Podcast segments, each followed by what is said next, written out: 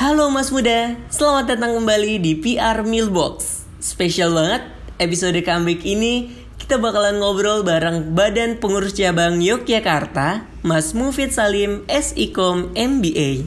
Selamat mendengarkan.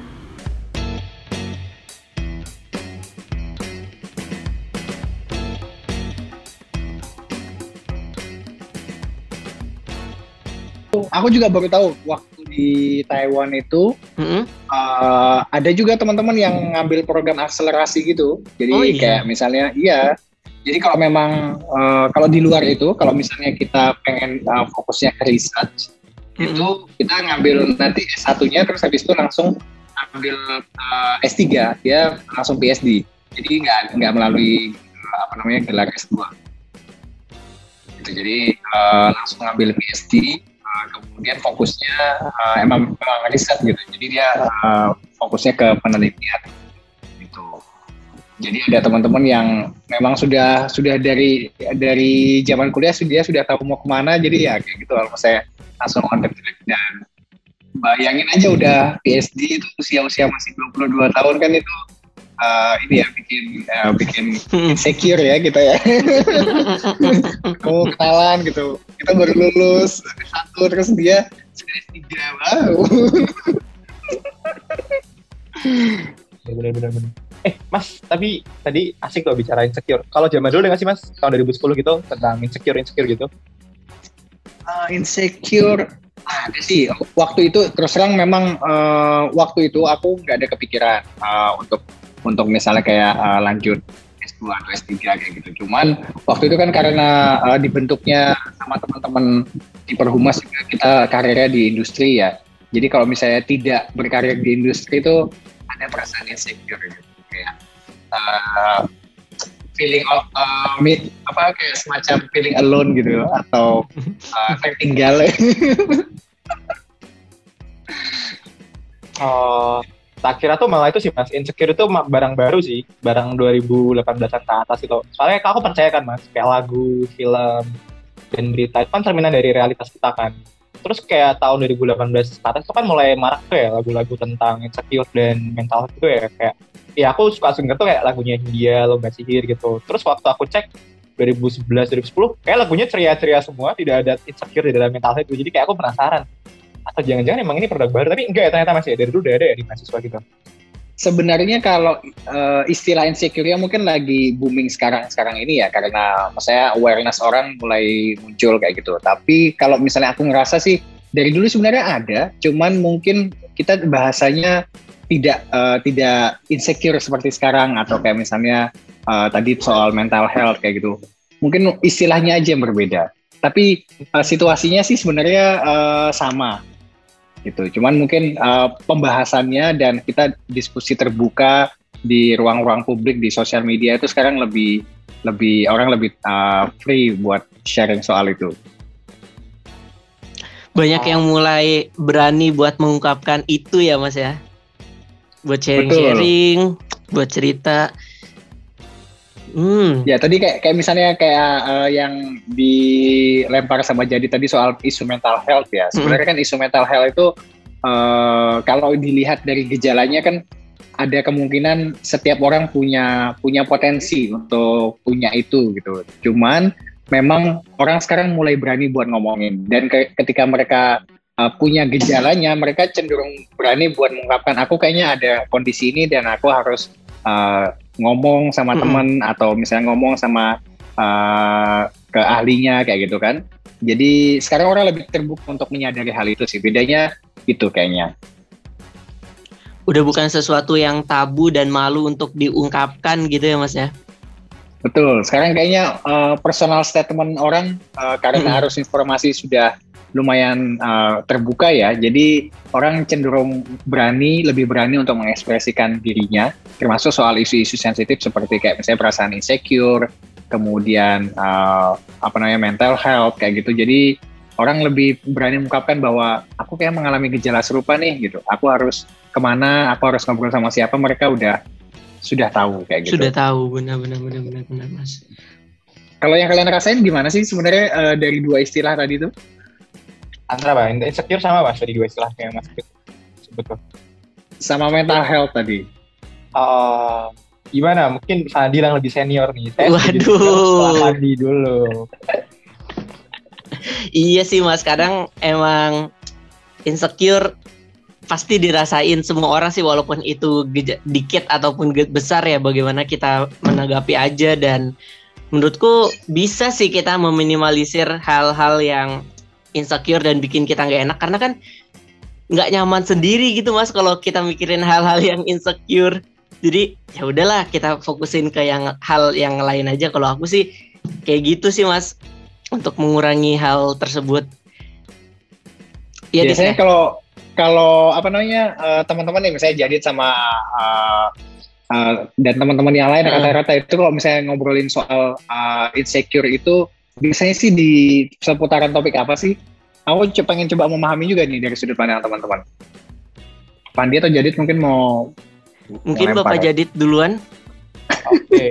kalau misalnya aku sama teman-teman biasanya kalau teman-temanku itu sih Mas, uh, kebetulan banget itu kemarin aku bisa ketemu sama teman yang udah lama gak ketemu itu kan gara-gara pandemi dan gara-gara aku juga kemarin sempat ikut programnya covid ya yang jadi penyintas covid selama dua minggu gitu jadi nggak bisa keluar nah waktu ketemu tuh dia cerita gitu kan mas. Aduh uh, sebenarnya aku kemarin buat akun LinkedIn kan terus aku agak insecure nih ketika lihat teman-teman seusia aku yang mereka tuh udah magang di sana di sini gitu.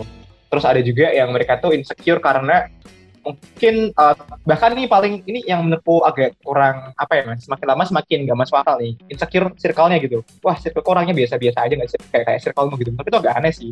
Maksudnya kayak kenapa sekarang tuh kayak tolak ukur circle bagus apa enggak itu dari pencapaian padahal kan sebenarnya kan fungsi circle kan ya itu ya. Kayak kita dekat dengan orang yang sama dengan kita gitu. Kalau jadinya diseragamkan atau dikasih standar kayak gitu kan jadi kayak apa tuh meritokrasi ya. Yang kayak masyarakat didasarkan atas pencapaiannya gitu. Itu sih mas mungkin kalau di lingkungan Hmm, oke okay, oke okay, oke, okay. menarik nih. Jadi sebenarnya kan uh, gejalanya sama ya. Kalau misalnya aku flashback waktu aku uh, zaman mahasiswa, jadi kalau misalnya ketika misalnya teman-teman magang di tempat-tempat yang keren atau sudah mulai begitu lulus langsung starting career di tempat-tempat yang mungkin impiannya kayak gitu dan kita yang tidak di posisi itu kayak ngerasa kok aku gini-gini aja aku ketinggalan gitu ya. Berarti uh, apa namanya perasaannya kurang lebih sama ya ter merasa tertinggal dari teman-teman yang lain gitu ya. Benar cuma beda kemasan aja kan mas? Update kemasannya ya. Kalau zaman dulu tuh kemasannya tuh masih pouch nah mungkin sekarang yang lebih lebih update lagi gitu kemasannya. Lebih lebih cantik gitu. Mungkin gitu iya kayaknya gitu nah kalau jadi tadi gimana tadi? Pengen sharing kayak gitu mau sharing apa tuh mas Sering, Enggak, tadi iya saya soal uh, soal kayak misalnya perasaan insecure-nya itu di posisi apa gitu. Oh, oke okay, oke okay, oke. Okay. Jujur kalau kalau saya nih Mas, ya mungkin ini insecure saya ini insecure yang tidak dimiliki orang ya. Jadi justru saya main insecure sama nilai kuliah saya, Mas. Jadi saya itu awal-awal dulu kan cukup itu kan, cukup tidak menaruh perhatian pada perkuliahan gitu kan. Terus hmm. baru sadar ternyata perkuliahan sepenting itu gitu. Jadi hmm ya akhirnya saya insecure gitu terhadap nilai orang lain tuh. Dan tadi kayak Mas Fit bilang ya dan Sandi juga bilang gitu menurutku tuh insecure itu bukan soal kamu di titik mana ya tapi seberapa bisa kamu dirimu gitu. Karena menurutku di titik mana pun kamu kalau misalnya kamu belum bisa yang semindful itu kamu bakal insecure gitu. Misal pun kamu udah tadi Mas Fit bilang PhD di umur 22 mungkin dia bakal lihat wah aku udah PhD tapi aku nggak work life balance gitu. Atau mungkin ya kamu udah work life balance tapi karena belum mindful bisa juga insecure karena wah aku kurang gini kurang gini gitu. Jadi lama kelamaan ini insecure ini jadi kayak pelarian kita karena nggak mindful kali pasti mm -mm, bener bener bener bener bener. Ya pasti setiap setiap orang kadang punya rasa insecure-nya sendiri-sendiri sih ya Mas Mufid ya. Mm -hmm. Apakah insecure itu karena kita compare uh, achievement kita sama orang lain atau kita punya standar tertentu terhadap diri kita? Menurut kalian gimana itu? kok kok jadi kita yang diwawancarain ini? ini ini ini itu ya. Kita kita semakin menjadi semakin menjadi itu ya. Kayak apa tuh? YouTube-nya Marisa tuh Great Mind. Jadi kita malah dari yang komunikasi jadi lebih ke psikologi dan lebih mindful nih. Menarik podcastnya nih. Kalau kalau dari aku menurutku itu sih mas, uh, insecure itu timbul gara-gara kita FOMO sama pencapaian orang lain gitu. Kita kan sering kan mas, kayak membandingkan dapur kita sama pencapaian orang lain gitu. Misalnya nih Betul. kita, aku sama, aku sama Mufid seumuran gitu. Terus Mas Mufid ya, tiba-tiba buat Insta story kayak Mas Mufid, let's say uh, ikut hackathon terus juara gitu wah keren gitu nah yang aku nggak tahu kan di belakang itu ada apa kan mungkin Mas Mufid tuh mengorbankan waktunya mungkin yang aku gunakan untuk uh, santai-santai Mas Fit gunakan untuk belajar. Aku gunakan untuk belajar apa, Mas Fit untuk itu gitu. Jadi menurutku sebenarnya agak nggak fair sih membandingkan dan berita dengan achievement orang lain gitu. Bahkan ya mungkin ya orang yang punya achievement mungkin dia juga punya juga punya flow gitu. Ya kita nggak tahu. Menurut gitu sih Mas terkait kenapa seperti ada gitu. Hmm, iya iya iya. Berarti kan kalau dari uh, poin-poinnya tadi tuh kurang lebih karena terpicunya karena kita ngelihat uh, achievement orang lain ya. Hmm. Membandingkan, dari, bener-bener uh, sih mas. Uh, kayak misalnya apa nih? Kita kita ngelihat uh, postingan orang lain di sosial media, terus kita nggak ngerasa loh, aku kok nggak nggak uh, mencapai itu ya, padahal usia kita sama, mungkin dulu hmm. teman nongkrong atau teman kuliah gitu atau teman organisasi sama-sama kita pernah di titik yang sama, atau dia udah lebih cepat gitu kan. Kayaknya pemicunya di sana karena kita ngelihat orang lain ya. Ya gak sih? Membandingkan. Atau mungkin soal ini juga sih Mas, soal ekspektasi, ekspektasi ya. Jadi misal mm -hmm. kita berekspektasi suatu hal terus ketika kita nggak mendapatkan hal itu kayak kita tuh kayak loh kok aku nggak bisa ya padahal orang-orang orang-orang lain itu bisa gitu loh. Mm -hmm. Kalau di teman-teman istilah ambis tuh masih relevan gak sih kayak misalnya uh, aku rasa aku membahasakan itu kayak mm. aku punya uh, aku ambis banget nih tapi ternyata uh, at some point uh, beberapa hal yang aku uh, pengen capai itu nggak tercapai itu yang kemudian uh, memunculkan rasa insecure gitu aku nggak yeah. it itu gitu. ada banget sih mas rasa-rasa ambis ambis ambis gitu Mas Mufid sendiri dulu kalau kita flashback pas zaman-zaman kuliah gitu Mas. Mas Mufid termasuk orang yang ambis atau ya udah follow the flow aja gitu Mas? Hmm, bisa dibilang sih aku uh, ada sisi ambisnya dan itu cukup besar sih. Mm -mm. Uh, dan maksudnya kayak beberapa beberapa target harus ini harus ini harus ini aku dulu punya gitu. Uh, jadi kayaknya sih kalau misalnya aku flashback, kayaknya uh, pas zaman kuliah aku termasuk uh, termasuk mahasiswa yang ambis dan kayak berusaha punya sesuatu. Jadi kayak misalnya nggak uh, cuma di kampus doang, tapi di luar juga kayak gitu. Walaupun ada yang dikorbankan otomatis kayak misalnya ya waktu istirahat, Betul. terus habis itu kayak jam makan kayak gitu kan karena uh, rapat berurutan kayak gitu kan. ya itu aku sadari ketika udah makin dewasa gitu. Oh ternyata kayak uh, aku dulu ambis banget itu. Kalau kalian gimana? ngerasanya gimana? Dulu Mas Ufit waktu sih begitu apa tuh Mas? Achievement sakitnya yang paling sakit apa Mas? Masuk rumah sakit atau gimana tuh ada nggak Mas uh, nggak sampai sampai rumah sakit sih uh, tapi kayak misalnya uh, ya beberapa hari tepar kayak gitu karena misalnya uh, beberapa project kan harus begadang kayak gitu terus habis itu makannya kurang gitu Terus habis itu kalau aku flashback juga, aku dulu selalu punya cita-cita pengen bisa donor darah. Tapi nggak pernah eh, nggak uh, pernah kesampaian selama selama kuliah itu. Kenapa? Karena tiap kali aku mau donor ditanya, e, Mas uh, tekanan darahnya terlalu rendah, belum sarapan ya? Udah kok sarapan gitu. Nah ternyata setelah aku menikah, aku flashback, mm-hmm. oh ternyata pola hidupku yang nggak bagus waktu itu, sehingga tekanan darahku rendah banget, jadi nggak bisa donor itu jadi kayak efek dari ambisnya itu ke sisi kesehatanku waktu itu gitu oh iya mas sampai sekarang oh. tuh mas apa sekarang udah mulai membaik Uh, sekarang sih uh, karena saya sudah uh, sudah mulai aware terhadap mm -mm. Uh, soal work life balance jadi kayak sekarang mulai mulai ada remnya gitu. Mulai ada remnya. Oke okay, boleh ambis tapi coba tidak uh, meninggalkan faktor-faktor yang lain. Kayak gitu. Bener bener bener bener. Karena mungkin ambis nggak cuma di dunia perkuliahan juga ya mas ya tapi kayak di organisasi mungkin bisa di lingkungan kerja pun kita bisa dibilang ambis lah gitu mm-hmm. karena kalau terkadang kita kalau nggak punya target justru malah gimana gitu mas kadang yang mendorong kita menjadi lebih baik karena ada target target-target yang kita pengen capai sih mas kalau mas Mufid ngerasain betul. kayak gitu nggak sih mas Ya, eh, sebenarnya nggak ada yang salah dengan ambis itu. Cuman Benar. memang uh, yang harus kita pertimbangkan itu adalah ketika misalnya itu tadi, ketika kalau misalnya kita tidak mencapai apa yang kita uh, tetapkan, itu tadi sikap kita kayak gimana.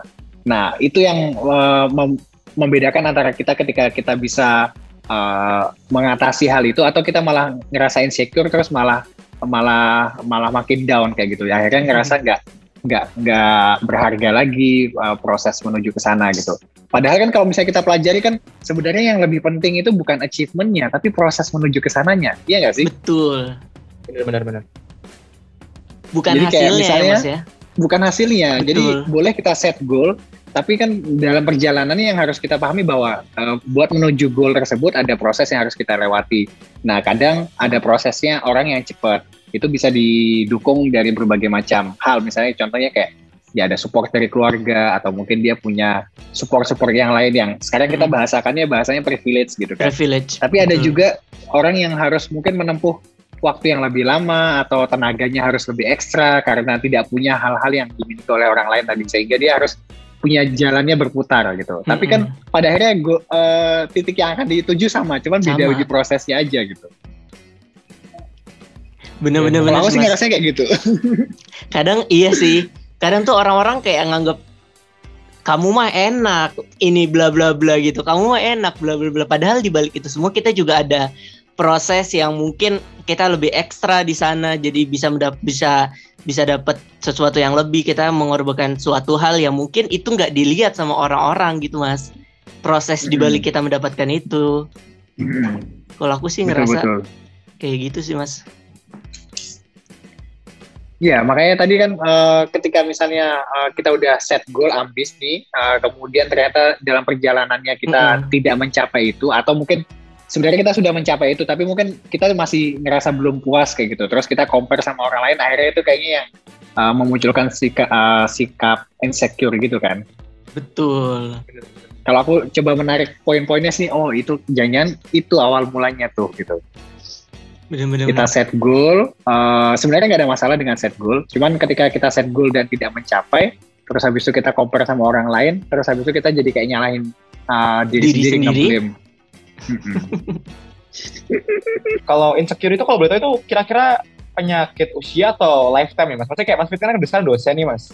Dan punya banyak Hmm. teman dosen ya yang mungkin lebih senior dari Mas Fit gitu. Nah kalau boleh tahu nih untuk teman-teman dosen dan senior itu apakah juga masih merasa insecure mas? Atau karena mereka sudah cukup uh, punya pengalaman akhirnya kayak mereka menjadi oh ya udahlah. Em, kalau pengamatanku insecure itu tidak dipengaruhi oleh usia sih. Dalam artian ketika misalnya eh, aku ngelihat juga beberapa teman yang sudah eh, ber eh, bekerja dan punya karir gitu ya ketika misalnya eh, ngelihat koleganya atau temennya itu kayaknya punya achievement yang lebih besar pasti ada rasa insecure jadi kayaknya itu bukan dipengaruhi oleh usia tapi lebih ke bagaimana kita menyikapi ketika di situasi itu sih. Cuman bedanya adalah kalau misalnya pas zaman-zaman mahasiswa kan insecure kita achievement ya, lebih ke kayak personal achievement. Hmm. Dia berprestasi atau dia dapat nilai bagus atau dia misalnya uh, uh, ikut lomba apa terus menang gitu. Tapi kalau misalnya udah uh, ber- uh, bekerja, berkarir, kita achievementnya lebih ke kayak materi misalnya. Karena uh, misalnya contohnya sudah punya kendaraan yang ingin di uh, dipunyai atau misalnya sudah punya tempat tinggal yang uh, ditargetkan kayak gitu atau mungkin mau start family dan lain sebagainya. Jadi perbedaannya adalah di tolak ukurnya aja pas di fase-fase hidupnya gitu. Oke, menarik nih Mas. Berarti seorang dosen pun masih mungkin banget ngerasa insecure dalam dalam hal yang lain gitu kan Mas. berarti Mas Mufid tuh ya Mas ya. Istilahnya yang bawa cara di kisi-kisi umur 30-an ya. Sebenarnya itu bukan bukan soal usia tapi soal gimana kita menyikapi gitu. Karena tadi kan masih kisi-kisi kan di umur 30 nanti mungkin masih bisa insecure. Cuman indikatornya beda bukan lagi apa-apa tapi kayak material dan sebagainya menarik nih kisi-kisi buat umur 30 nih.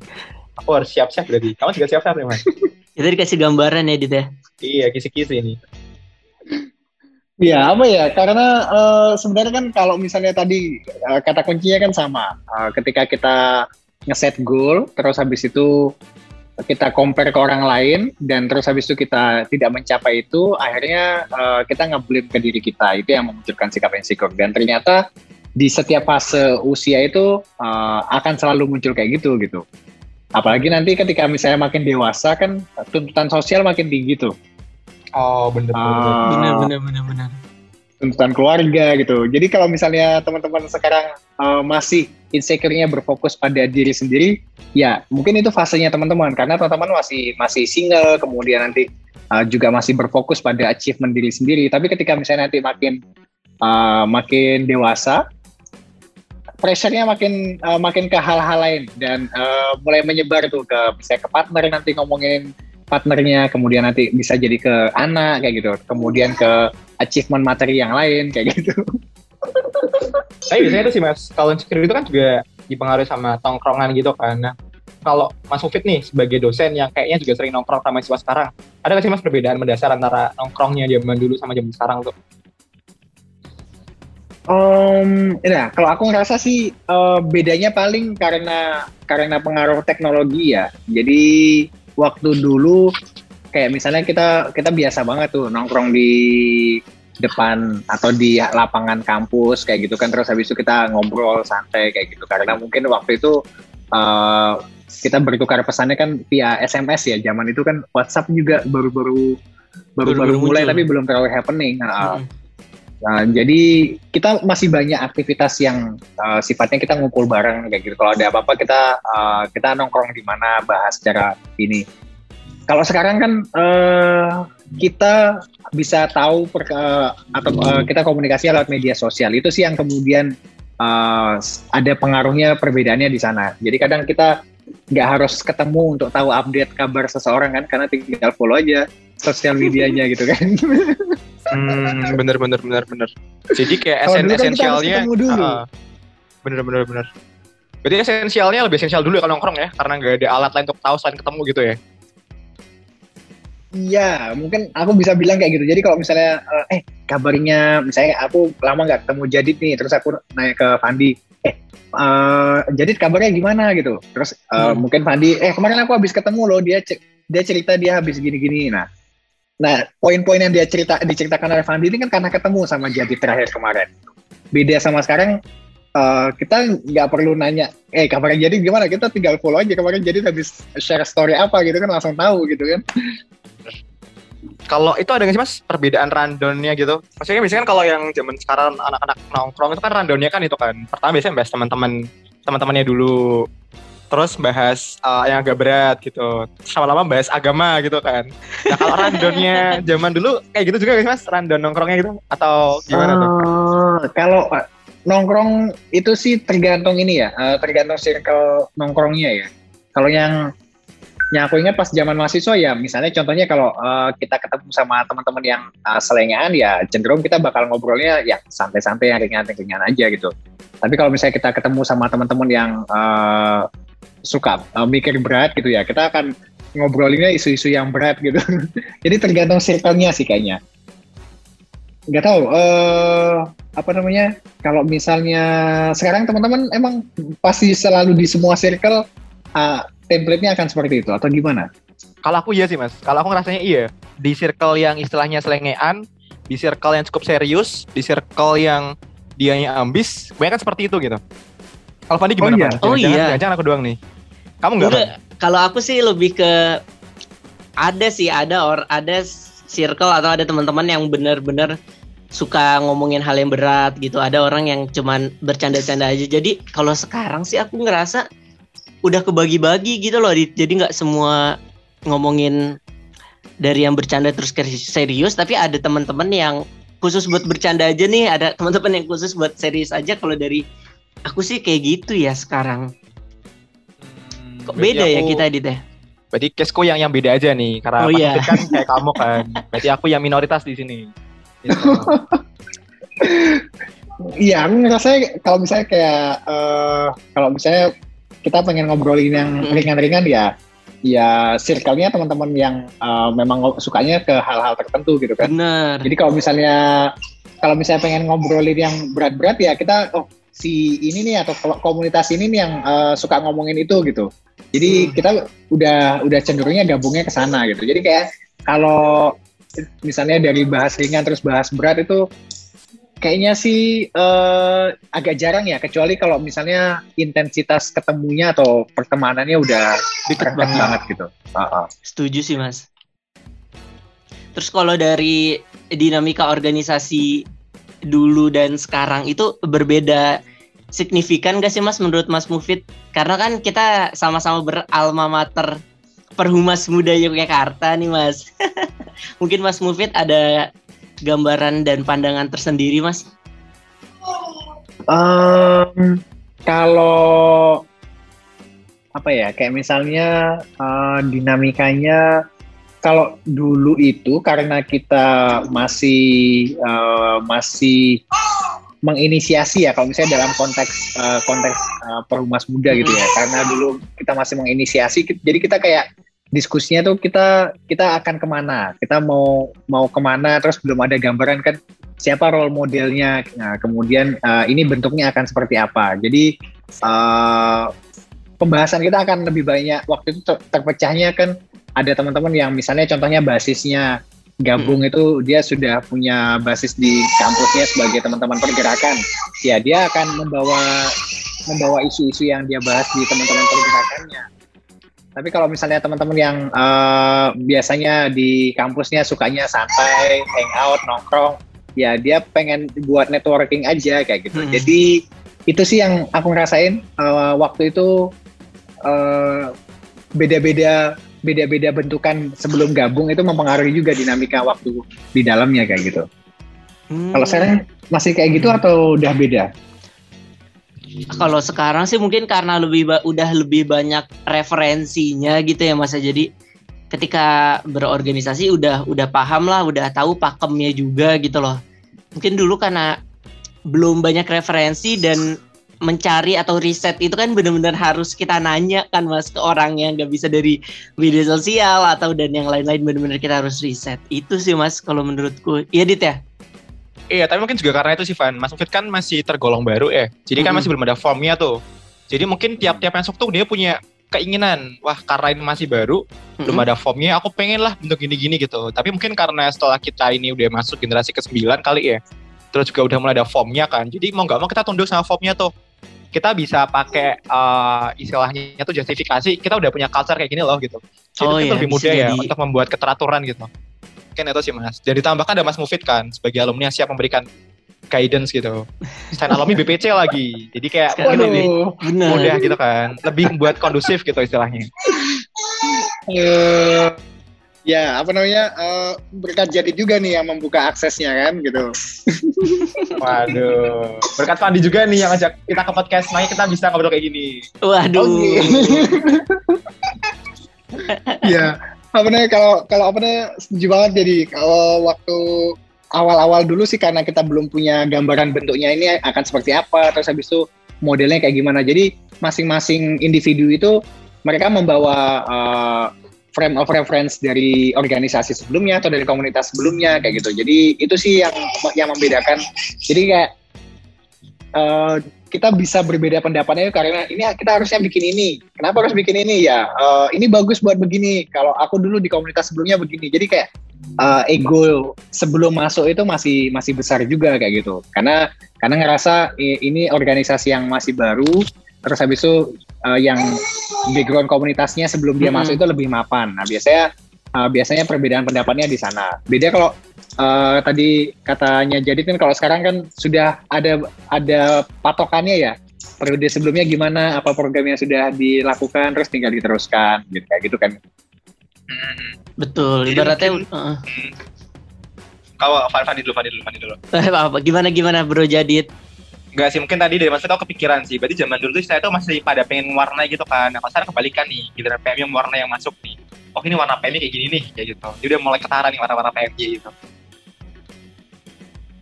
Iya, gitu, iya, kan. benar banget. Betul. Kayak kata kuncinya itu. Jadi kalau dulu masing-masing individu itu berusaha memberi warna dan uh, mana nih warna yang dominan akhirnya kan gitu kuat-kuatan ini aja jumlah masa gitu. nih warnanya misalnya kampus uh, eh, UPN kayak gitu kan, oh karakternya kayak gini nih. Kalau jumlahnya banyak maka akan dominan kayak gitu kan. Atau misalnya dari UGM atau dari UIN atau dari Atma kayak gitu. Kalau sekarang kayaknya karakter PMB-nya yang lebih kuat. Jadi kalau yang masuk PMB pasti karakternya kayak gini. Template-nya seperti ini. Iya nggak sih? Iya, iya benar-benar. Lama-lama jadi kayak pabrik ya PMB ya. Mencetak barang setengah jadi barang jadi jadi gitu ya. Cuman menurut kayaknya konotasinya terlalu negatif ya. Mungkin lebih ke kalau istilah perwayangannya tuh kawah cendera di muka gitu istilah pewayangannya. Bener bener bener. Jadi bener. kayak kayak trendsetter gitu nggak sih? Ya, amin amin mas. Sepertinya belum tapi amin lah. Mungkin suatu saat akan ke arah sana gitu. Amin. Eh, kalau aku ngerasa gini, kalau aku sama satu lagi aku nambahin. Jadi Mm-mm. kayak misalnya eh, perbedaannya kalau dulu itu eh, kan komunitas PR yang ada di kampus itu biasanya sudah lebih eh, settle duluan kan. Nah, jadi waktu itu sih aku ngerasa eh, di fase-fase itu kita lebih insecure ketika misalnya mau ngajak kolaborasi ke kampus-kampus karena ya kita kayak anak baru kemarin kayak gitu kan. Nah, sedangkan kayak misalnya organisasi atau komunitas PR yang di kampus biasanya udah berjalan be- berapa tahun kayak gitu kan. Mm-mm. Apalagi semakin tua kampusnya biasanya udah lama kayak gitu. Jadi kayak eh, itu sih waktu itu aku ngerasa sebagai eh, individu aku ngerasa kadang kayak ada rasa insecure gitu. Karena mereka komunitasnya udah mapan, terus habis itu udah punya program kerja yang rutin kayak gitu. Terus mungkin sudah eh, aktif banget ngirim eh, delegasi kalau ada lomba-lomba kayak gitu. Beda sama kita yang masih masih berkutat untuk ini kita bikin apa ya, bikin apa ya gitu. Tapi kalau dari dulu awal-awal berdirinya PMY kan PM-PM lain apakah udah ada atau di antara yang lain PM PMY juga yang pertama gitu Mas, termasuk generasi yang pertama. Seingatku waktu itu eh, kita hampir barengan dihidupkan kembali kalau nggak salah. Jadi rata-rata waktu itu misalnya eh, yang di Jakarta dihidupkan oleh eh, BPP kan, kemudian eh, yang di Jogja oleh BPC kayak gitu. Kemudian habis itu menyusul di kota-kota lain. Kalau yang eh, kalau yang seingatku waktu itu kemudian kayak misalnya Malang, terus habis itu Bandung kayak gitu. Jadi kita kayaknya semua rata-rata di fase fase yang sama, fase awal-awal. Kayaknya seingatku sih kayak gitu. Pernah ngobrol sama teman-teman dari PM yang lain nggak? Kayak eh, mereka gimana sih uh, Hmm. Silsilahnya. kayak gitu? Mm-mm. Menarik Pernah, sih. cuman belum nyinggung tarehnya sih. Ini kan pelajaran tareh kan, belum sempat kita singgung sih kalau dari Tapi menarik sih besok. Kebetulan ini aku tadi juga di chattingan nih sama satu anak PM. Nah, mungkin bisa kita bahas, kita bahas, aku bahas di sini gitu. Ngobrol sama dia. Karena kan mungkin kalau dari PMY sendiri apa yang ada di PMY sekarang pasti besar pengaruhnya oleh generasi awal-awal PMY berdiri sih Mas kalau menurutku ya. Dan gimana dari dulu awal-awal ada itu bener-bener berjuang banget lah ibaratnya buat bisa gedein nama PMY dan alhamdulillah sekarang gimana Bro Jadid dari antusiasme pendaftar PMY itu makin meningkat sih Mas tiap tahunnya. Wow, keren. Mantap, mantap. Semakin meningkat karena saya dia mahasiswa kan. Itu kan alasannya. Oh iya iya iya iya. bisa jadi Iya. bisa jadi bisa jadi. Bener kan? Kan semakin banyak prodi ilkom kan. Jadi ini biasa-biasa aja gitu. kalau pas awal dulu itu kita kayak eh, berusaha ngeyakinin sih bahwa eh, kalian bakal dapat sesuatu kok di sini. Nah, itu kayaknya eh, yang aku ingat sih teman-teman waktu itu lebih keras eh, untuk meyakinkan teman-teman buat gabung eh, di PMJ. Apa sih yang bakal aku dapat kalau gabung di Hmm. sini? Nah, maksudnya toh mereka juga eh, sudah punya jejaring sendiri kan, jejaring kakak kelas ya karena udah punya banyak senior yang eh, bekerja di perusahaan kayak gitu misalnya. Jadi uh, bargaining power kita waktu itu sih masih kurang buat meyakinkan bahwa kamu akan berkembang kalau misalnya gabung di tempat kita kayak gitu. Beda kayaknya sama sekarang. Kalau sekarang kayak orang-orang yang mendaftar udah tahu nih, aku bakal dapat sesuatu kalau gabung ke sini. Kalau aku melihatnya kayak gitu. Mm-mm. Gimana kalau menurut Pandi sama Oh, Jadid? iya. Ya aku setuju tuh mas. Apalagi kan kita kan sekarang udah uh, PMY yang udah batch 11 kan yang baru gitu. Dan kebetulan PMY batch 8 bah, enggak 9 ke atas itu istilahnya mereka pada udah mulai berkarir, udah mulai berkarya gitu. Dan mereka pun juga beragam kan. Ada yang di industri, ada yang di NGO, ada yang di akademisi kayak Mas Mufid gitu. Akhirnya kayak wah di PMY ini berarti cocok banget nih. Dan salah satu salah satu strength organisasi kan terkait networking yang nggak putus-putus kan antar angkatan pertama gitu. Jadi kayak mungkin teman-teman nanti akhirnya selain dapat uh, koneksi dari FIA juga dapat koneksi dari PMI gitu. Ini salah satu bargaining power PMI ya kalau bisa dibilang gitu ya. Selain yang lain. Dan bisa dipertimbangkan juga sih kalau misal nanti mau berkarir di mana, misal mau magang di mana kalau udah ada nama PMY kalau menurutku ya karena ya dapat pelajaran banyak lah dari rumah kita bersama ini. Apalagi udah mau selesai ya Dit ya. Iya iya, bentar lagi nih. Bentar lagi nih Mas Mufid bakal menjadi alumni seperti Mas Mufid nih. Nah, ini mumpung uh, teman-teman nih kayak uh, orang yang tepat buat aku tanya nih. Mm -hmm. uh, kalian selama gabung dan sekarang udah mau selesai ini, dapat sesuatu nggak sih? Dapat banget sih, Mas. Coba boleh di-share dong. Hmm, kalau dari aku sendiri dapat relasi. Waduh, ini banget ya template banget ya.